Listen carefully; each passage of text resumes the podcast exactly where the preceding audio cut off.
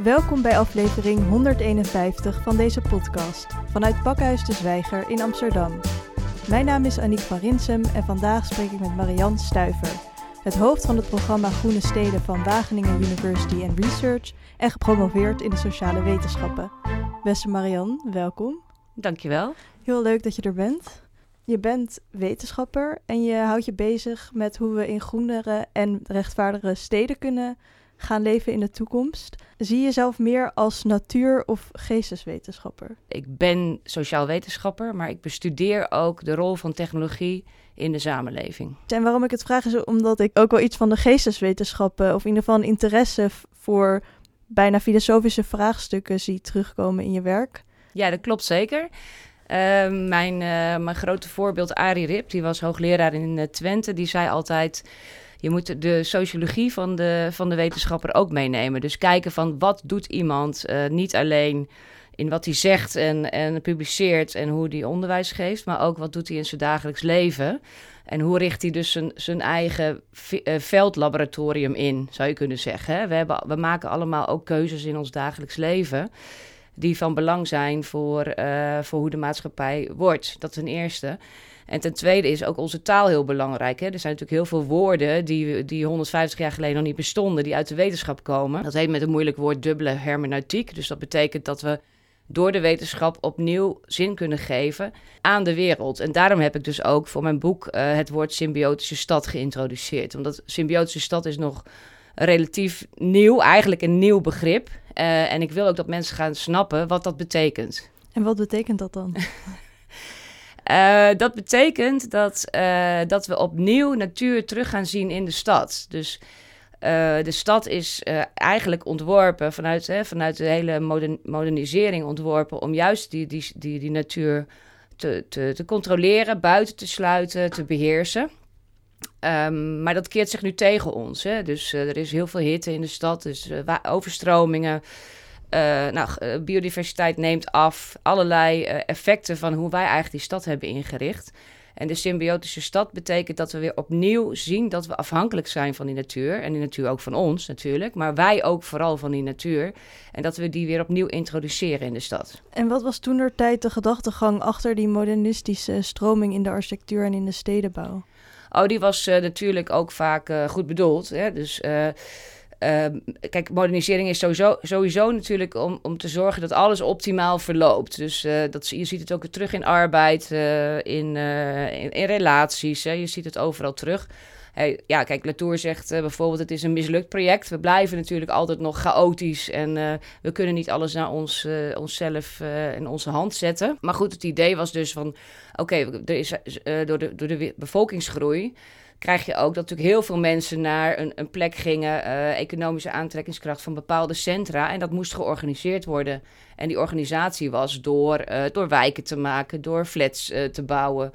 Uh, door groen en, en grijs uh, en rood. Hè? Dus, dus alle, alle functies te scheiden. Eigenlijk wat je dus ook ziet hoe wij dat doen in ons dagelijks leven. Dat zie je ook terug in de architectuur van de stad. En dat heeft dan wel weer de natuur weggedrongen op een bepaalde manier? Nou ja, het heeft wel een plek gekregen. Hè? Want de meeste, de meeste wijken hebben wel een park. En elke straat heeft een berm. En iedereen heeft wel een stukje achtertuin. En mensen hebben uh, planten in potten staan in hun huis. Hè? Dus er is wel natuur en het is wel te zien. Maar het is op een bepaalde manier geordend. En op welke andere manier zouden we dat kunnen ordenen? Nou, die, de ordening die we nu hebben geeft geen ruimte voor insecten, uh, voor, voor vlinders, voor vogels om zich te bewegen in die stad. En, en wat voor mij heel belangrijk is, is dat er weer beweging komt. Dus dat de stad een huis is voor mensen, dat wij ons goed kunnen voortbewegen. Dus het is net zo belangrijk dat er fietspaden zijn, dat er wandelpaden zijn, dat we in de schaduw kunnen zitten. Maar ook dat dieren kunnen voortbewegen. Dus als je vanuit het perspectief van een vlinder kijkt, of een mol of een wurm, dat die ook duidelijk vrij zich kunnen bewegen in die stad. En dat is nu niet zo. Want je kunt niet van een bloempot naar een achtertuin, naar een berm, naar een park bewegen als... Uh, er zitten heel veel stenen tussen. Er zitten heel veel stenen tussen voor die, uh, voor die wurm. Dus ja, die moet heel veel dingen oversteken, zullen we maar zeggen. In het voorwoord van je boek bedank je alle collega's die werken aan een groenere en rechtvaardigere wereld. Is een groenere wereld ook een rechtvaardigere wereld? Ja, het is een beetje semantiek natuurlijk. Uh, wat is groen en wat is dan rechtvaardig? Uh,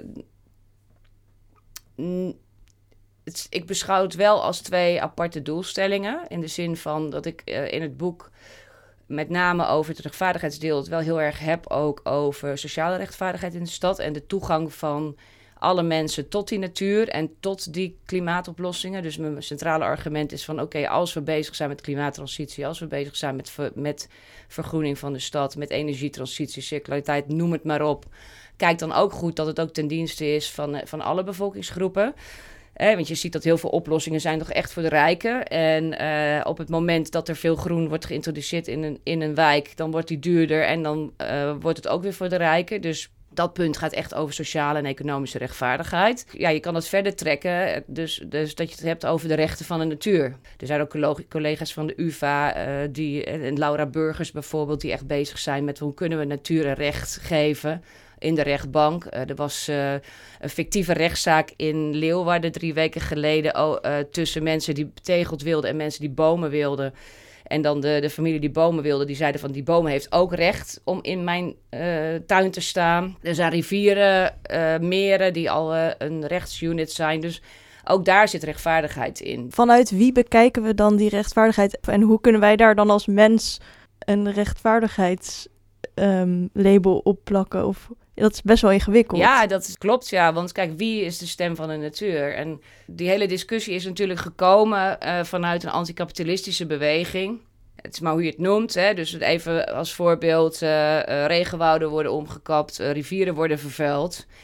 En dan zijn er mensen die daar wonen uh, omheen en die zien dat gebeuren en die zien hun leefwereld kapot gaan. En die zeggen dan die natuur moet een stem hebben. Maar eigenlijk is het natuurlijk daarachter zit, wij willen die stem vertegenwoordigen. Ook bijvoorbeeld klimaatverandering, de problemen die daarmee gepaard gaan, die roepen wel de urgentie op om beter met onze leefomgeving en steden om te gaan. Nu heb jij dus het boek The Symbiotic City geschreven, waarin je heel veel verschillende ideeën van verschillende wetenschappers bundelt die daarover na hebben gedacht. Hoe is dat boek tot stand gekomen? Het is tot stand gekomen omdat um, een aantal van de hoofdstukken uitkomsten waren van, van wetenschappelijk onderzoek bij, bij Wageningen University and Research. Die wilde ik bundelen en daar een verhaal omheen maken. En, en ik vond dat het verhaal nog niet rond was. Dus toen ben ik zelf alle andere mensen gaan vragen, meer op het voedselproductiedeel. Dus er is een, stuk gaat over natuur in de stad. Dat had ik als eerste van collega's. Toen ben ik over voedsel in de stad met collega's gaan, uh, gaan schrijven ook. En toen dacht ik, ja, maar het gaat ook over mensen in de stad. Dus toen heb ik zelf een, een stuk onderzoek gedaan met collega's uit Washington. Maar ook in Nederland heb ik wat onderzoek gedaan. En dat hebben we gebundeld. En toen heb ik zelf nog twee hoofdstukken geschreven. De inleiding en, en dat theoretische verhaal over hoe kunnen we die symbiotische stad bouwen. En over dat theoretische verhaal gesproken, heb je het in je boek ook over dat we van het antropoceen naar een reflexief antropoceen kunnen gaan. Zou je daar wat meer over willen vertellen?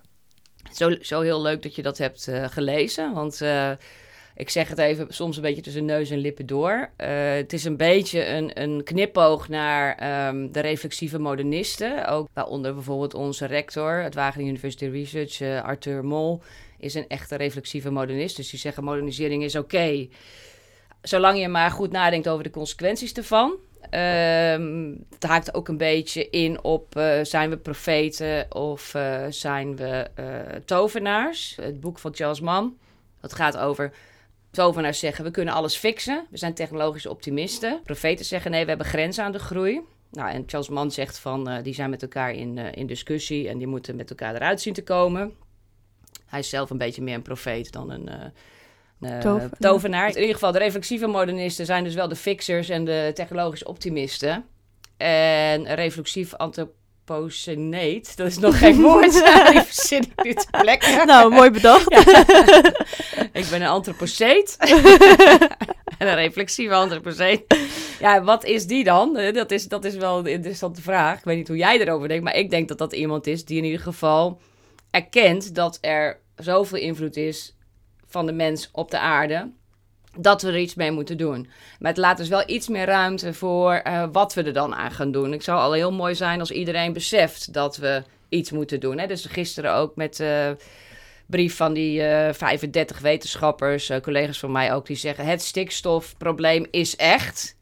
Ja, het is toch eigenlijk van de gekken dat dat moet. Dus dat, dat, we, dat we nog op, op de, in de fase zitten dat we met elkaar moeten praten of het waar is of niet. Dat we een probleem hebben met uh, biodiversiteit achteruitgang en dat stikstof een probleem is. Ik bedoel, kijk om je heen, denk ik dan.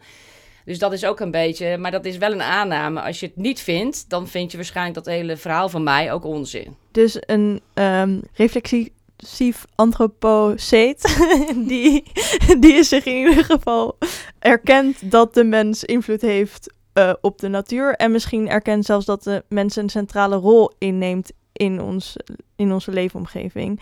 En kan dan gaan reflecteren op wat voor invloed dat heeft. Ja, ik probeer natuurlijk wel echt mensen een soort uh, verhaal te vertellen van... Uh, kom op, uh, ga wat doen. En het is dus in die zin wel moralistisch. Ehm, maar aan de andere kant is, is la, laten we zeggen...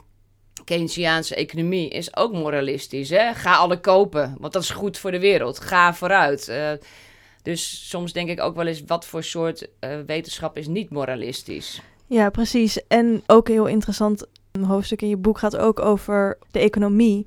En hoe we die op een bepaalde manier los hebben gekoppeld van de natuur. En dat is ook niet waardevrij.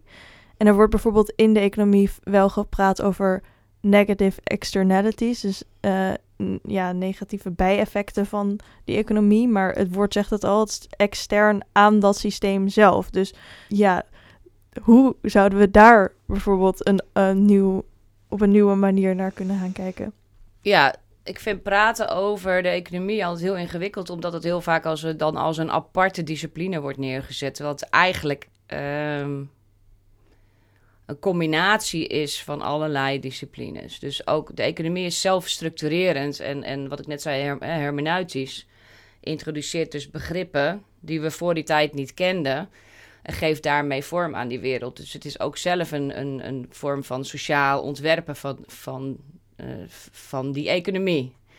Dus die economie die bestaat bij gratie van... Die economische wetenschap bestaat bij gratie van die economie en andersom. Die zijn met, heel erg met elkaar verbonden. Um, dus het is eigenlijk een sociale wetenschapper die gaat over hoe wij ruilen. En hoe wij met bezit omgaan. Dus wat, wat in het boek staat over meer de restauratieve economie, dat is, dat is bijvoorbeeld heel wat anders weer dan de donut-economie, waar Amsterdam nu mee bezig is met Kate Rayworth. Hè, om, om te zien van, dat, wat ik ook mee eens ben hoor, van dat, dat economie ingebed is dus in sociale factoren en dat er ook allerlei omgevingsfactoren zijn. Dat is een manier van denken. Uh, in het boek gaat het met name echt over restauratieve economie in de zin van als je dan in de stad bezig bent, denk na over hoe je de natuurlijke hulpbronnen kunt uh, koesteren en vervangen. Dus ga goed om met je bodem, ga goed om met je water, met je koolstofopslag, uh, met, met, met ehm, mineralen enzovoort. Dus dat is echt toegespitst op dat hele verhaal van introduceren van de natuur in de stad. Expres gedaan, want anders moet je een heel boek over economie gaan schrijven. Uh, maar dat vond ik een belangrijk onderdeel van het argument. Dus dat wij echt ook gaan zien dat doordat we dus in de stad de natuur uh, exploiteren en niet verzorgen, dat het ook uiteindelijk geld kost. Maar niet alleen geld, maar ook allerlei waardes kost. Dus gezondheid kost, uh, risico's oplevert. Dus dat is eigenlijk het centrale argument. Maar goed, als je het echt hebt over economische theorie, dan is denken binnen de uh, de huidige economische kaders bijna altijd wel slecht voor de natuur. Of, want alles moet een verdienmodel hebben, alles gaat over groei. En dat is natuurlijk de vraag of dat zo is. Nou ja, eigenlijk is het zo. Dat is dus een slecht uitgangspunt. Dus als het altijd economische groei, als altijd dat de aanname is, um, dan kun je wel allerlei andere waarden proberen in te drukken van gezondheid en rechtvaardigheid en zo. Maar dan blijft die groei, die, die financiële groei, blijft het centrale punt. En daar moeten we eigenlijk vanaf. En wa wat maakt de stad nou zo'n goede uitgangspunt om met ecologisch doen bezig te zijn? Omdat er heel veel mensen wonen en werken en, en daar ook de problemen het uh, meest opvallend zijn. Alleen, ik heb ook stad gekozen omdat Nederland eigenlijk één grote stad is, wat mij betreft, of metropool. Nou, sterker nog, kijk, als je dus op de Hoge Veluwe staat, sta je precies tussen het Roergebied en de Randstad in. Dus onze mooie Hoge Veluwe en Wageningen, waar ik vandaan kom, is eigenlijk het park van, van miljoenen mensen, van misschien ja. van 20 miljoen, 30 miljoen mensen die daar allemaal omheen wonen. Ook dat is stedelijke natuur. Voor mij is de Hoge Veluwe stedelijke natuur. Want de mens is daar zo dicht op. Uh, de, de, de, landbouwgebieden in Nederland. Zijn eigenlijk allemaal, uh, ja, dat zie je nu ook in de discussie, zijn eigenlijk, wordt, wordt, vooral door heel veel stedelingen wordt er nu tegenaan bemoeid. Dus, er is al de, dus de afstand tussen stad en platteland in Nederland is er niet meer. Je stelt ook voor om naar de natuur te kijken als erfgoed. Wat zou dat betekenen als we natuur als erfgoed zien? Ja, ik heb, ik heb zeg maar vier waarden van de natuur die van belang zijn. Ehm, en erfgoed is dan ook, uh, gaat ook over de toekomstige waarden van natuur. Dus dat je nadenkt over dat je natuur nodig hebt voor toekomstige generaties. Dus dat we niet alles nu moeten opmaken, hè, dat het een schaars goed is. En dat we dus, um, het is een heritage, dus je kunt er ook trots op zijn. Net als dat we een, een Van Gogh uh, museum hebben, kunnen we dus ook een natuurmuseum hebben, zeg maar. Die we ook koesteren en waar, uh, waar ook een enorme waarde aan zit. En dat is bijvoorbeeld de Hoge Veluwe. Alleen de Hoge is, uh, is tegelijkertijd de plek waar nu natuurlijk door de stikstofdepositie de meeste bomen en, uh, en, de, en de hei uh, kapot gaat. Hè, door alle grassen groeien en dat soort dingen. Dus we behandelen het nog niet zoals we een Van Gogh schilderij zouden behandelen. Want een Van Gogh schilderij leg je ook niet in de hitte. En dan gooi je ook geen salpeterzuur overheen. Dus zo moeten we ook met onze bossen omgaan op de Hoge Veluwe als met een Van Gogh schilderij. Dus het gaat ook om een bepaalde waardehechting? Ja, ja, het is echt iets wat we kunnen koesteren en waar we kunnen bedenken van hoe kunnen onze achter, achter, achter kleinkinderen, die ik zelf niet heb trouwens, maar goed, als je die hebt uh, of gaat krijgen, uh, hoe kan, kunnen die daarin ook die natuur beleven. Maar je bent dus wel begaan met de achter-achterkleinkinderen van alle andere mensen. ja, zeker. dat is mooi. Ik ben ook een achter-achter-achterkleinkind van iemand die Echt? niet weet dat ik dat ben. Maar even terug naar dat erfgoed. Want het verschil natuurlijk tussen zo'n Van Gogh schilderij en natuur... is dat natuur ook levend is en in beweging is. En natuur zou nooit uh, elke dag hetzelfde blijven, want het groeit en het verschillende generaties natuur evolueren ook. Dus hoe ga je dan daarmee om als, het, als je het als erfgoed ziet? In hoeverre mag het veranderen? Ja, natuurlijk mag het veranderen. En, maar dat geldt eigenlijk ook voor zo'n schilderij. Hè? Want de mensen die er naar kijken zien er andere dingen in. Dus het is natuurlijk, wat is verandering? En, en hij wordt ook gerestaureerd. En dan verandert hij eigenlijk dus ook. Uh, hij lijkt wel misschien wel hetzelfde. Want het moet natuurlijk wel precies het plaatje zijn zoals Van Gogh het bedacht heeft. Maar ondertussen hebben we alle mensen eraan zitten purken en zorgen dat het goed blijft. Dus alles verandert altijd. Uh, uh, niet, niks is echt statisch. Dus nee. dingen eroderen, dingen moeten vervangen worden. Dus dat geldt ook voor natuur. Um, maar de levende processen in zichzelf veranderen niet natuurlijk. Dus, dus de, de, de voedselpiramide van een hert of van een um, vliegend hert blijft hetzelfde. Um, alleen wat er voorradig is om te eten, verandert weer wel. En wat zouden dan kaders kunnen zijn om te zorgen dat we wel uh, de natuur behouden of restaureren, zonder dat we zeggen dat het te erg ingeperkt moet blijven zoals het nu is? Ja, dat is interessant, want ik, ik zit ook uh, met mensen van Buitenlandse Zaken, ministerie van, uh, ministerie van Buitenlandse Zaken, ministerie van Landbouw, uh, mensen van Infrastructuur, um, ruimtelijke ordening. Die, nou ja, hoe kun je dus de ecologie gaan begrijpen in zijn dynamiek, eh, zodat je er iets mee kan en ervoor kan zorgen? Dat is eigenlijk ook je vraag. Ja. dus moeten we dan allemaal ecoloog worden of kunnen we ook een manier bedenken dat het, uh, dat het kan zonder dat je de hele dynamiek ervan moet begrijpen. Nou ja, ik denk dat even met de, in de analogie met de schilderij. Uh, we hoeven ook niet allemaal te kunnen restaureren, maar we snappen wel wat bepaalde dingen daarvoor niet moeten doen. Um, en we kunnen luisteren naar ecologen. Dus wat je nu ook heel erg goed heel erg ziet, is dat bijvoorbeeld projectontwikkelaars, vastgoedbedrijven, als we het dan over het stedelijke hebben, uh, bouwers die gaan ecologen in dienst nemen. Gisteren zat ik nog aan een, uh, aan een discussietafel met uh, Heijmans. Die hebben inmiddels al vijf, zes, zeven ecologen in dienst genomen. bij Arcades en Sweco kunnen ze ze ook niet aanslepen. Dus um, ecologie is echt een fashionable nu. Hartstikke leuk. Ook, kun je ook in Wageningen studeren trouwens. dus kom vooral in Wageningen studeren als je het interessant vindt. Um, maar ook bijvoorbeeld Delftenaren gaan nu ook, gaan ook biodiversiteit nu omarmen. Um, maar en gisteren zat ik met iemand van een project, uh, uh, projectontwikkelaarsbedrijf, uh, vastgoedbedrijf. En die maken vijf, geven vijf, zes verschillende natuur-inclusieve tuinen als ontwerp aan huurders of kopers wat ze kunnen doen. Dus die, en die hebben daarvoor gewoon met, met experts, met ecologen gepraat. Dus het is wel duidelijk dat mensen echt meer bezig zijn met natuur, dat we dat in ons huidige systeem wel al belangrijker gaan vinden. Ja, en dat je ergens begint. Dus dat je, dat zeg ik dus ook in het laatste hoofdstuk van het boek. Je hoeft geen, zelf geen ecoloog te zijn. Ik ben ook geen ecoloog. Ik heb wel vanaf jongs af aan al wel uh, liefde voor de natuur meegekregen. Uh, ook al ha ik haat het echt, want ik moest van mijn vader altijd uh, allerlei bloemsoorten uit mijn hoofd leren. Nou ja, ik zat ook nog op een heel christelijke school, dus ik moest ook nog psalmen uit mijn hoofd leren. Wat vond je leuker om nou ja, bij psalmen kon ik playbacken. en bij, bij, bij die bloemen zat mijn vader op, op mijn neus, dus was het wat lastiger. Maar ik vond de bloemen wel leuker, omdat ik... Uh, ik heb die boeken nog met al die droogbloemen. Van, die, zijn dus, uh, die zijn dus nu 45 jaar oud of zo. Uh, dus zes jaar jonger dan ik. Maar in ieder geval, um, dus dat vond ik heel erg leuk. en dat, is, ja, dat raad ik ook alle ouders aan. Ga met je kinderen gewoon paardenbloemen drogen. Maak zelf zo'n drukpers enzovoort. En geniet er zelf ook vooral erg van. Um, ze hebben in Culemborg hebben ze wildsafaris gehouden met de Big Five. Dus dat zijn dan vijf soorten insecten en, en, vogels die je dan kan ontdekken als kind. Hè. Dat soort dingen doe je dan allemaal. Dus als je een achtertuin hebt en die, je weet, hebt geen idee wat je moet doen. En je vindt het ook helemaal niet leuk om elke zaterdag uren te gaan staan bespitten en zo.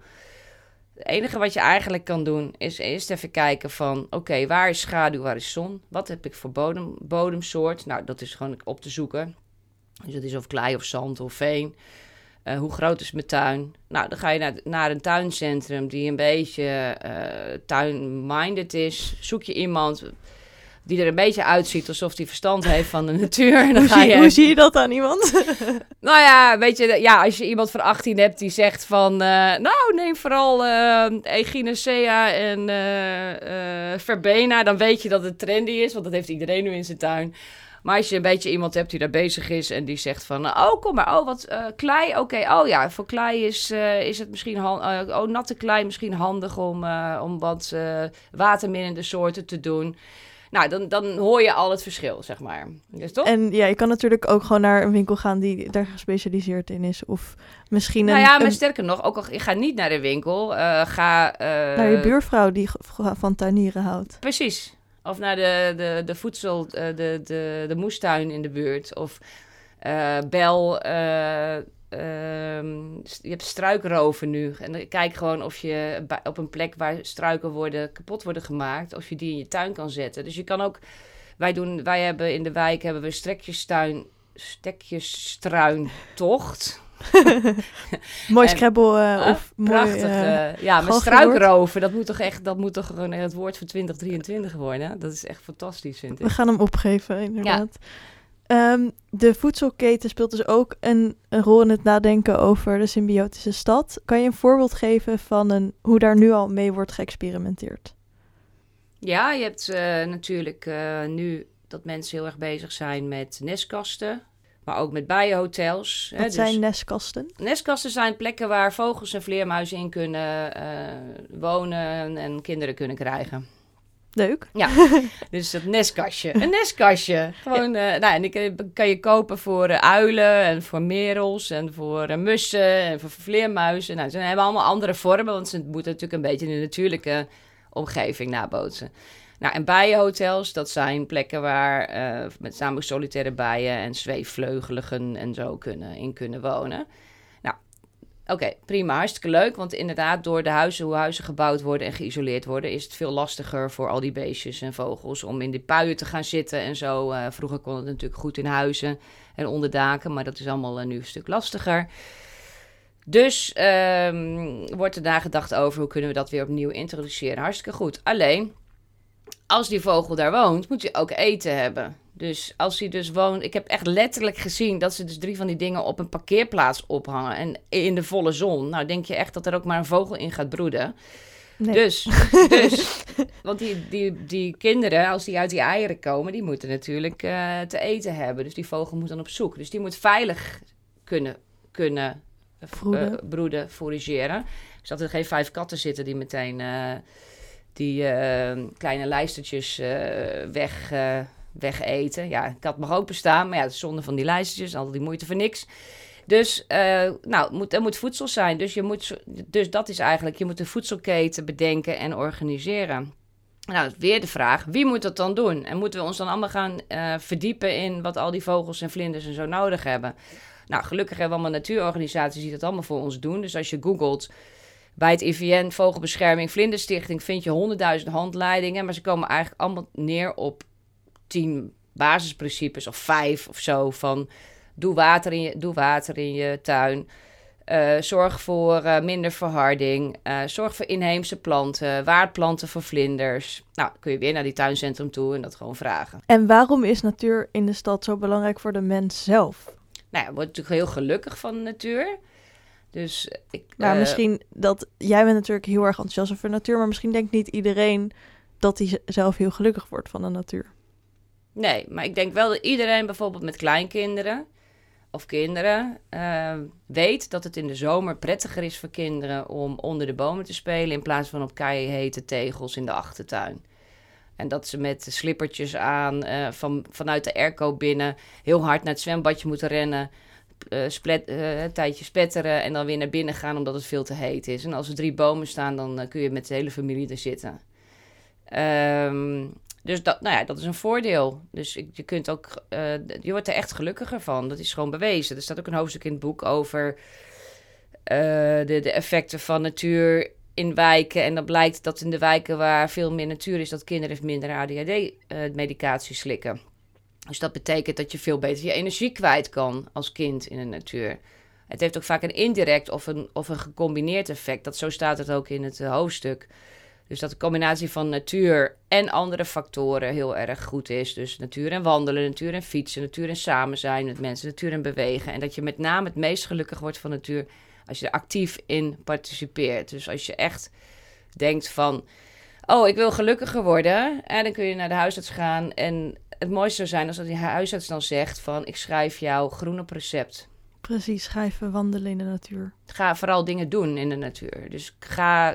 Uh, Ga lekker uh, onkruid trekken. En ja, dan, dan, trek je misschien een keer een verkeerde plant eruit. Dat is ook niet erg.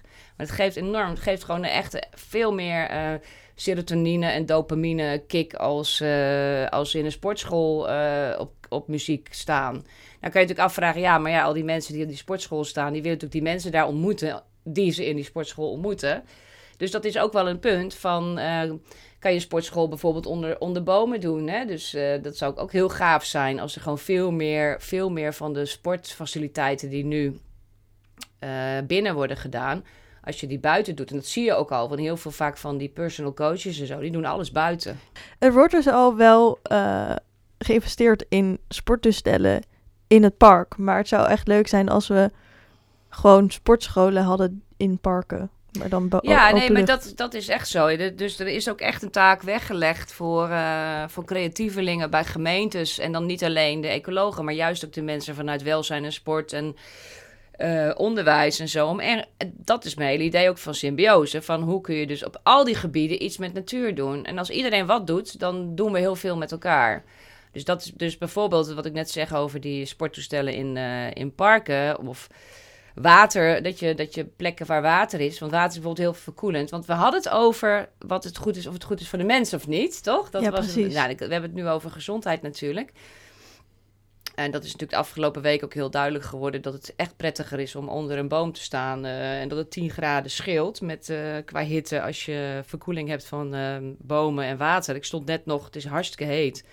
Maar ik stond hier natuurlijk aan het ei. En dan voel je gewoon echt die, die koele wind. En dat is gewoon heel prettig als je, aan als je verder loopt en je staat bij Centraal Station in de, tussen de beton en de muren, dan, dan sterf je van de hitte, bij wijze van spreken. Dus dat verschil is heel tastbaar. Dus gezondheid is heel belangrijk. En natuurlijk op de lange termijn is natuurlijk weer die natuur zelf belangrijk en die klimaatadaptatie uh, belangrijk. En daar kan natuur allemaal een rol in spelen. Wat denk jij dat de reden is dat natuur zo goed is voor de mens?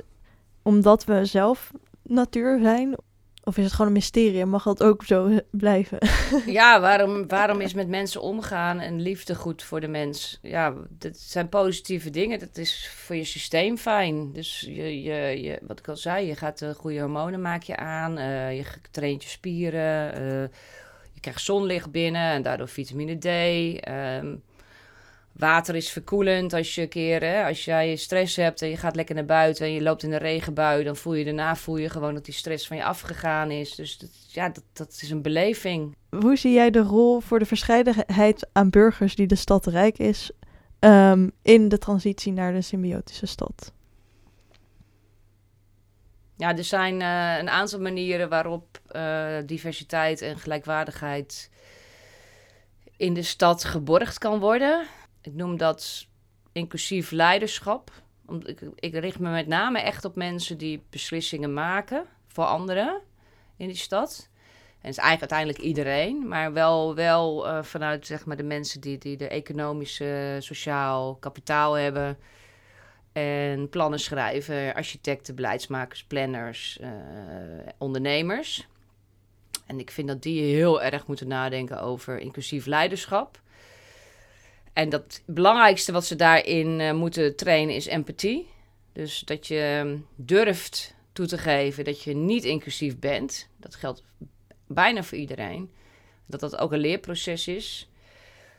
Uh, dat dat niet erg is dat je dat niet bent. Dus wat ik, dat vind ik ook. Hè. Dus mensen die altijd zeggen: ja, iemand is niet inclusief. Weet je, je kan er niet mensen op shamen of zo. Het is wel heel belangrijk dat mensen dat durven zeggen. Dat je, hè, gisteren had ik nog een vergadering, daar was ik mensen enorm aan het onderbreken. Dus toen zei mijn uh, collega van, uh, kunnen we niet onderbreken? Ik zei, oh ja, sorry, ik was gewoon gestrest, ik had warm.